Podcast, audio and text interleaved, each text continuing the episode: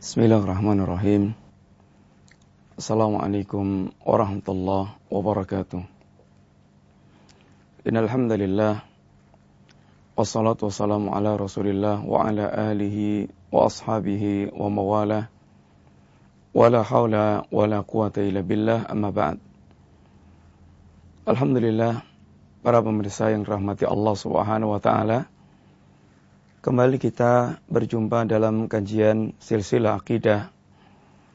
Akidah Sunnah wal Jamaah, akidah Islam, akidah yang diwariskan Rasulullah sallallahu alaihi dan para sahabatnya radhiyallahu alim jami'an.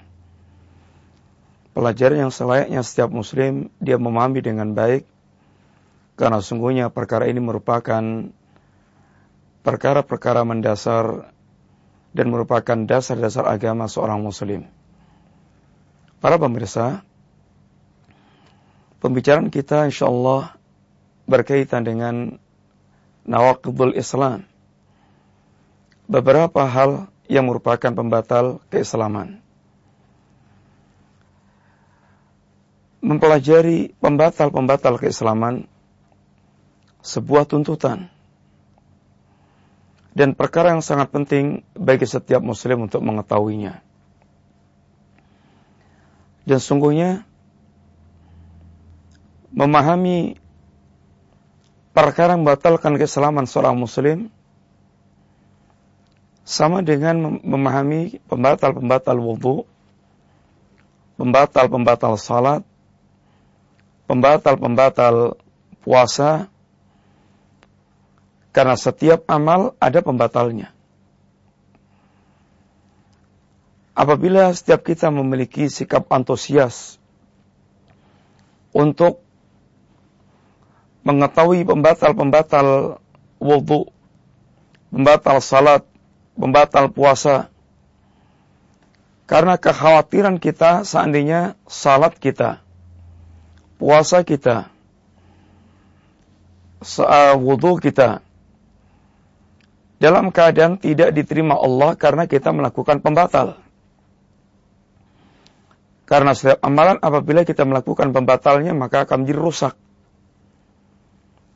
Akan tapi sangat disayangkan sekali di tengah-tengah kaum muslimin sangat jarang yang memiliki kemauan keras dan memiliki semangat untuk mengetahui tentang pembatal-pembatal keislaman atau pembatal-pembatal syahadatain.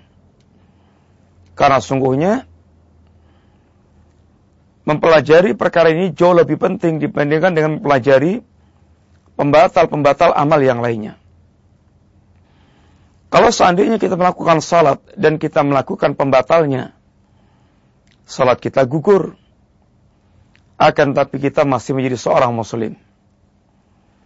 Seandainya kita melakukan puasa dan kita melakukan pembatalnya, puasa kita gugur, puasa kita batal, tapi kita masih seorang muslim.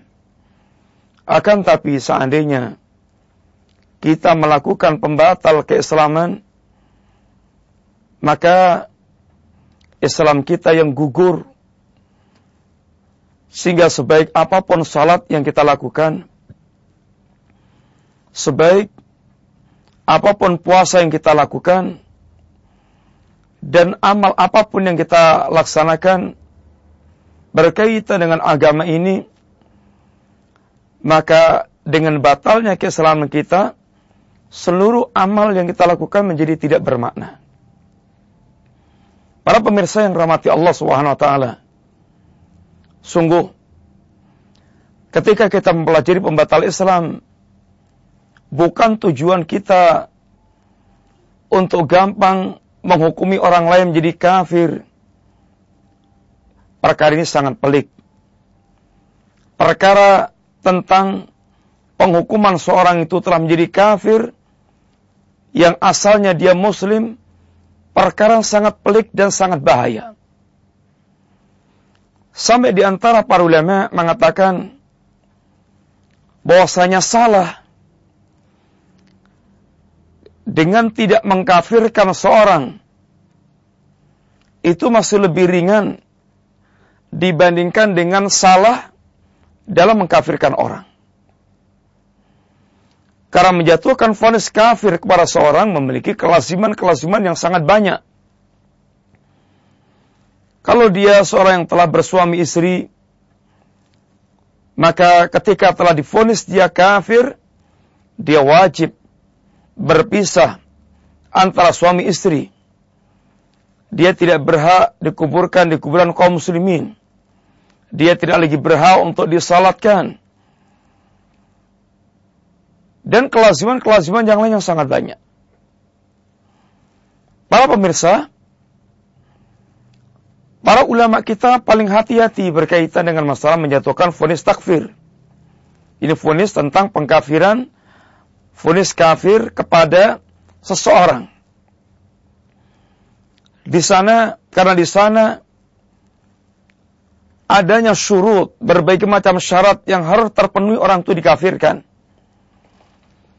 Dan demikian pula adanya mawani, perkara-perkara yang menjadi penghalang seorang itu untuk dikafirkan. Dan ini membutuhkan tentang kedalaman ilmu dan tentang kuatnya seorang di dalam memahami kaidah-kaidah. Dan ini adalah tugasnya para qadhi. Tugasnya para ulama yang rasikh fil ilmi, yang sangat kokoh dalam masalah ilmu. Akan tapi mengetahui beberapa pembatal Islam, para pemirsa yang dirahmati Allah Subhanahu wa taala, sesuatu yang sangat tertuntut bagi kita. Dalam rangka agar jangan sampai kita terjatuh ke dalam perkara-perkara yang sangat membahayakan keislaman kita ini, sedangkan kita tidak mengetahui yang dikhawatirkan kita terjatuh di dalamnya dan kita tidak sadar. Maka mengetahui jalan-jalan keburukan semisal ini, pembatal-pembatal Islam, sebuah tuntutan. Dan bahkan merupakan bagian apa yang diajarkan oleh Al-Quran. Walitastabina sabilul mujrimin. Ketika Allah memaparkan jalannya orang-orang yang rusak, orang kafir, orang musyrik, orang mujrim, agar dengan pemaparan itu kita mengetahui tentang jalannya orang-orang yang rusak, orang-orang yang menyimpang. Oleh karena itulah di antara yang dikatakan oleh sahabat Hudzaifah bin al-Yaman, beliau di antara mengatakan kana nas yas'aluna Rasulullah sallallahu alaihi wasallam anil khair wa kuntu as'aluhu 'anil syar makhafata ayudrikani. Kebiasaan orang mereka bertanya kepada Rasulullah SAW tentang kebaikan. Dan tentu ini merupakan kebaikan dan kebutuhan. Akan tapi aku kata Hudzaifah, tentu selain bertanya tentang kebaikan, aku suka bertanya kepada Nabi tentang keburukan. Apa tujuannya? Makhafata ayudrikani Aku khawatir seandainya menjumpai keburukan dalam keadaan tidak mengetahui itu sebagai keburukan, kemudian bisa terhanyut, terhany bisa terjerumus dalam perkara tersebut dalam keadaan tidak mengetahuinya.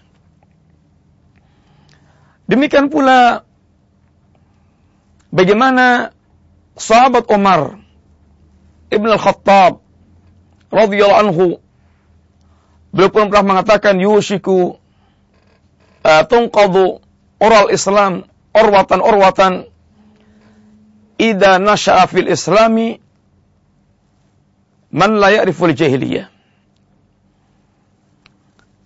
Tungqadu oral Islam orwatan orwatan akan terurai tali Islam ini seutas demi seutas. Ibaratnya saya merupakan pintalan tali, tali temali, Pintalan tali teman Islam itu akan bisa udar seutas demi seutas. Kapan? Ida nasya'a fil Islam man la ya'riful jahiliyah.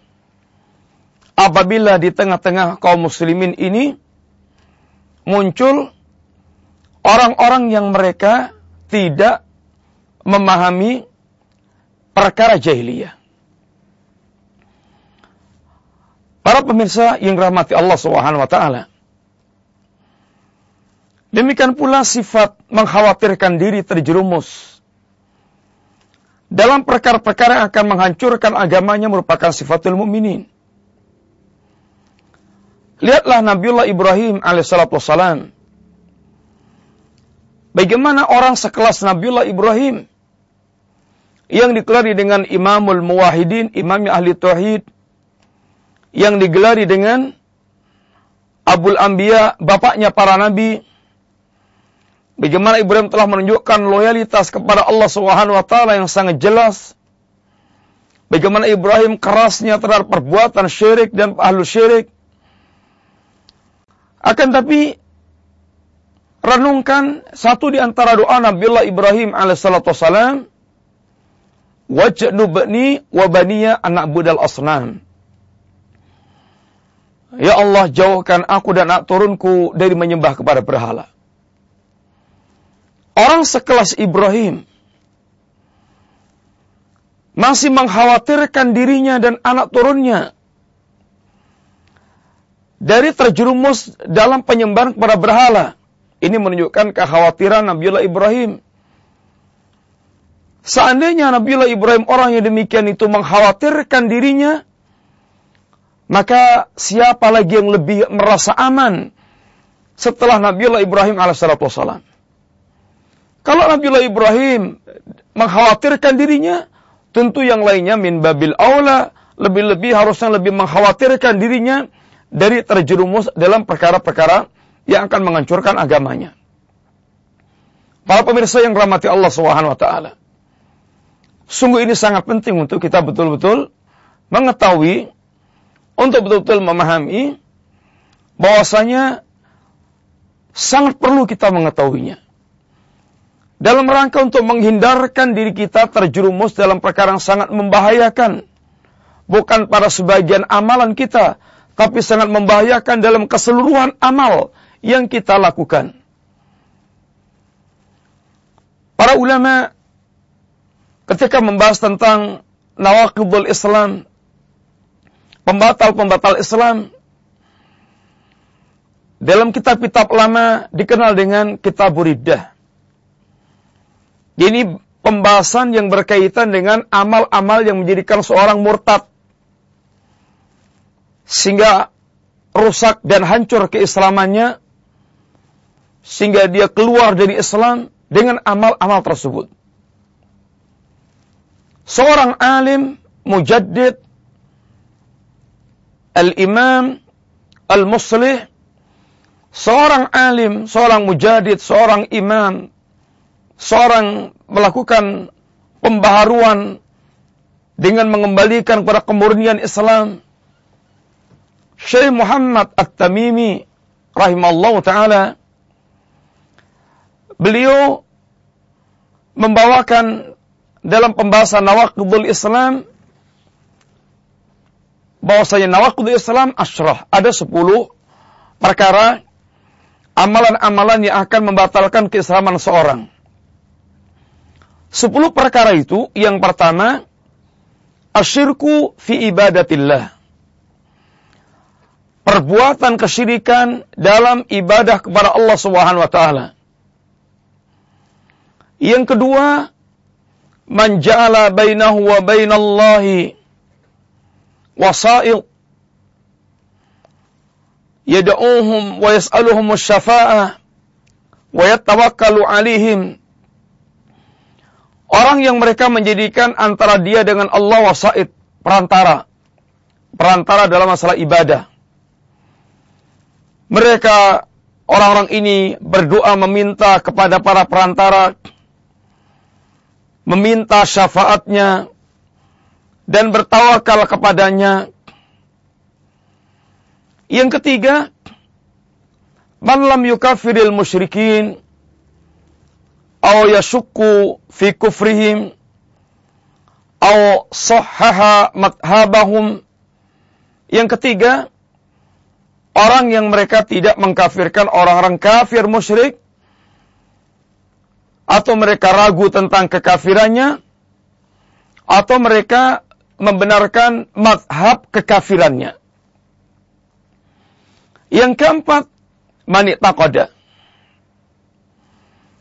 Anna ghaira hadyi Muhammadin sallallahu alaihi wasallam anna ghaira hadyi Nabi sallam akmal min hadyi wa anna hukma ghairihi ahsan min hukmi.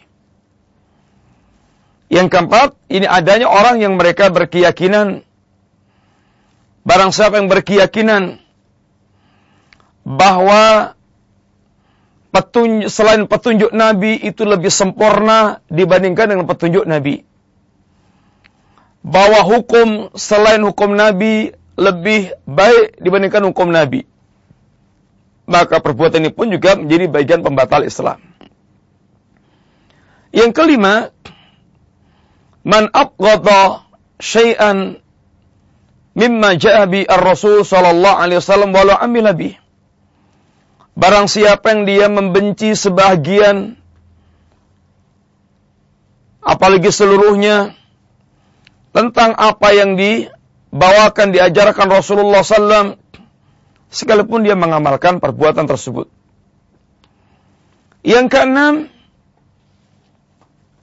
man istahza'a bi syai'in min dini Rasuli SAW barang siapa yang mereka istihza terhadap agama Rasulullah sallallahu alaihi wasallam baik itu thawabu atau iqabu baik itu yang berkaitan pahala agama atau ancaman-ancaman agama azabnya dia istihza mempertawakan menghina memperolok-olok yang ketujuh, as-sihru. Ini dia melakukan sihir. Yang kedelapan, mubaharatul musyrikin wa muawanatuhum alal muslimin. Memberikan dukungan, pembelaan, pertolongan kepada kaum musyrikin dalam rangka untuk mengalahkan kaum muslimin.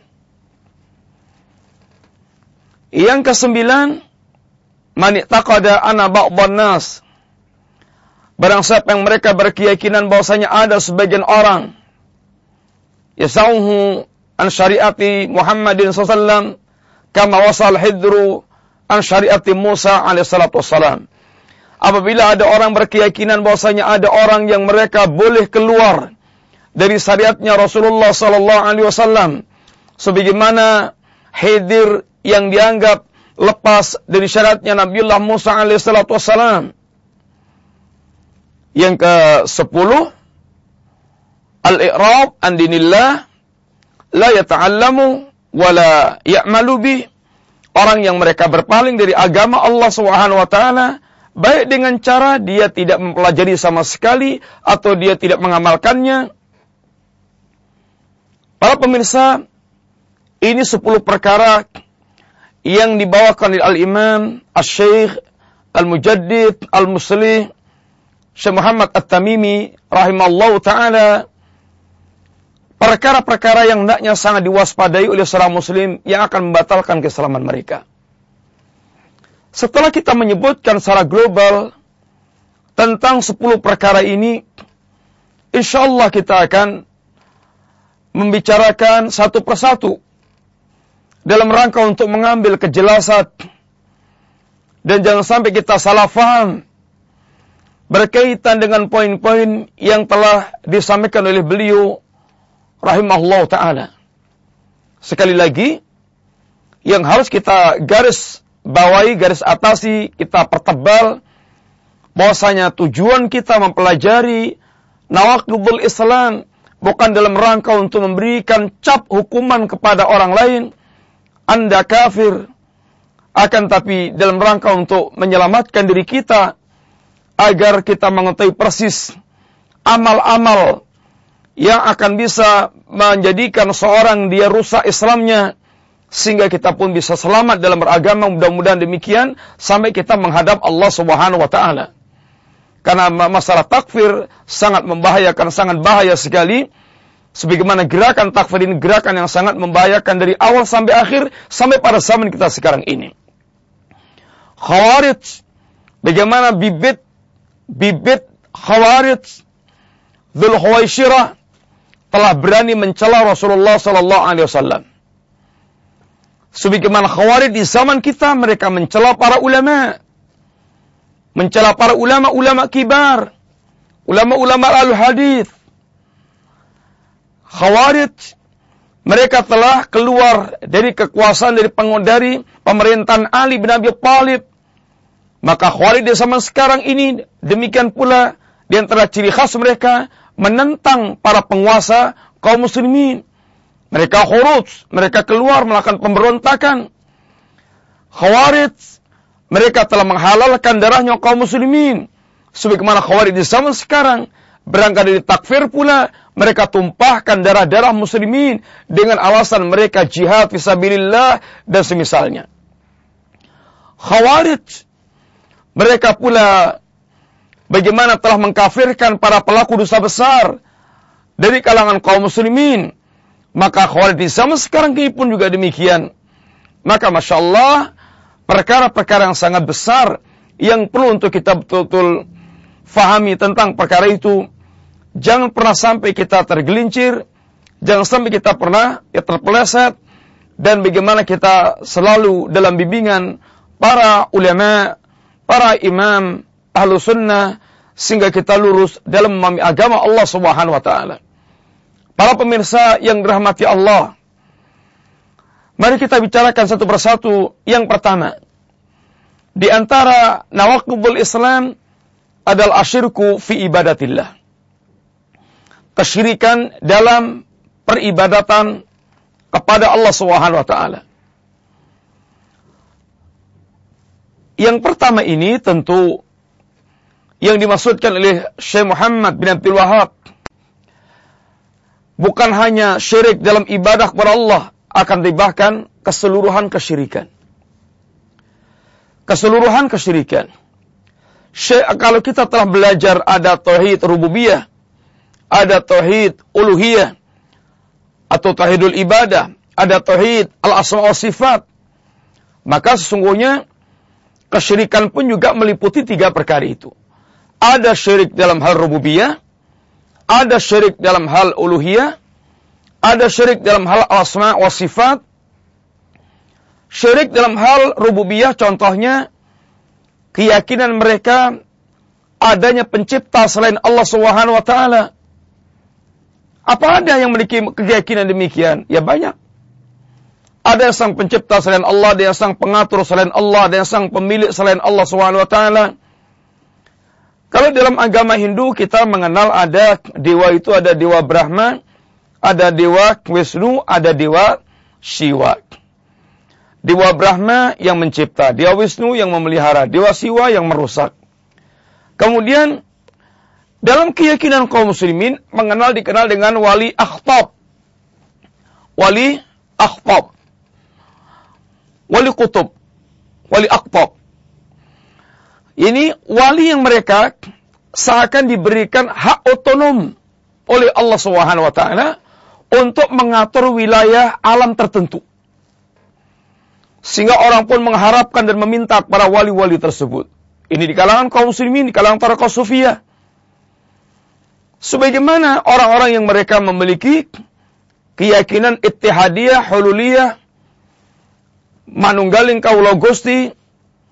Kalau dulu Fir'aun mengeklaim, Ana rabbukumul a'la, dan tentu merupakan asyirku billah, maka di kalangan kaum muslimin, di antara keyakinan sufi, ada akidah, hululiyah, ittihadiyah, bersatunya Allah dengan makhluk, sehingga Allah ya saya, saya ya Allah. Ini keyakinan sufi yang ada di tengah-tengah kaum muslimin. Dan ini merupakan kerusakan dalam masalah rububiyah. Demikian pula keyakinan-keyakinan yang berkaitan dengan rububiyah Allah yang lainnya. Demikian pula syirik dalam hal asma wa sifat. Syirik dalam hal nama-nama dan sifat Allah Subhanahu wa taala.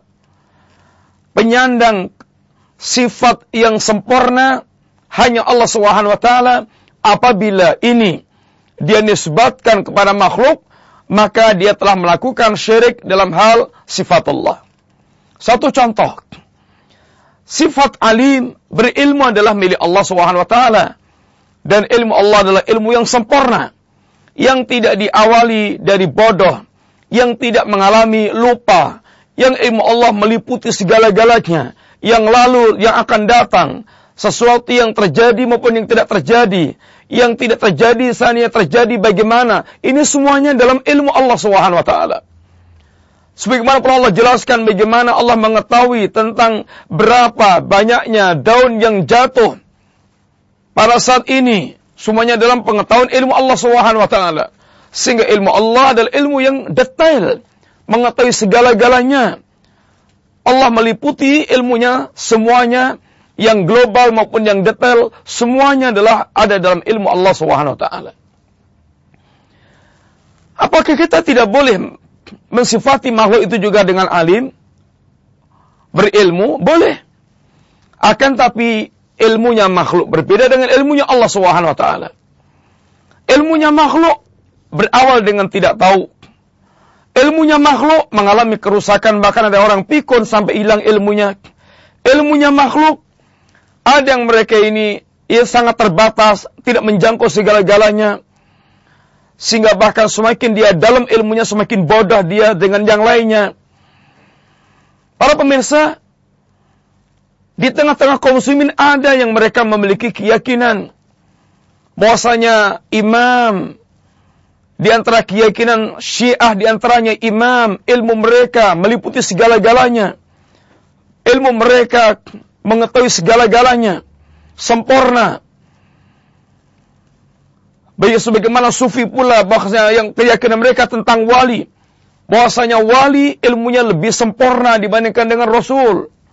Ibaratnya kalau Rasul adalah ilmunya pinggiran, maka wali ada ilmunya sampai menyelam di dalam lautan sehingga menguasai hakikat segala perkara.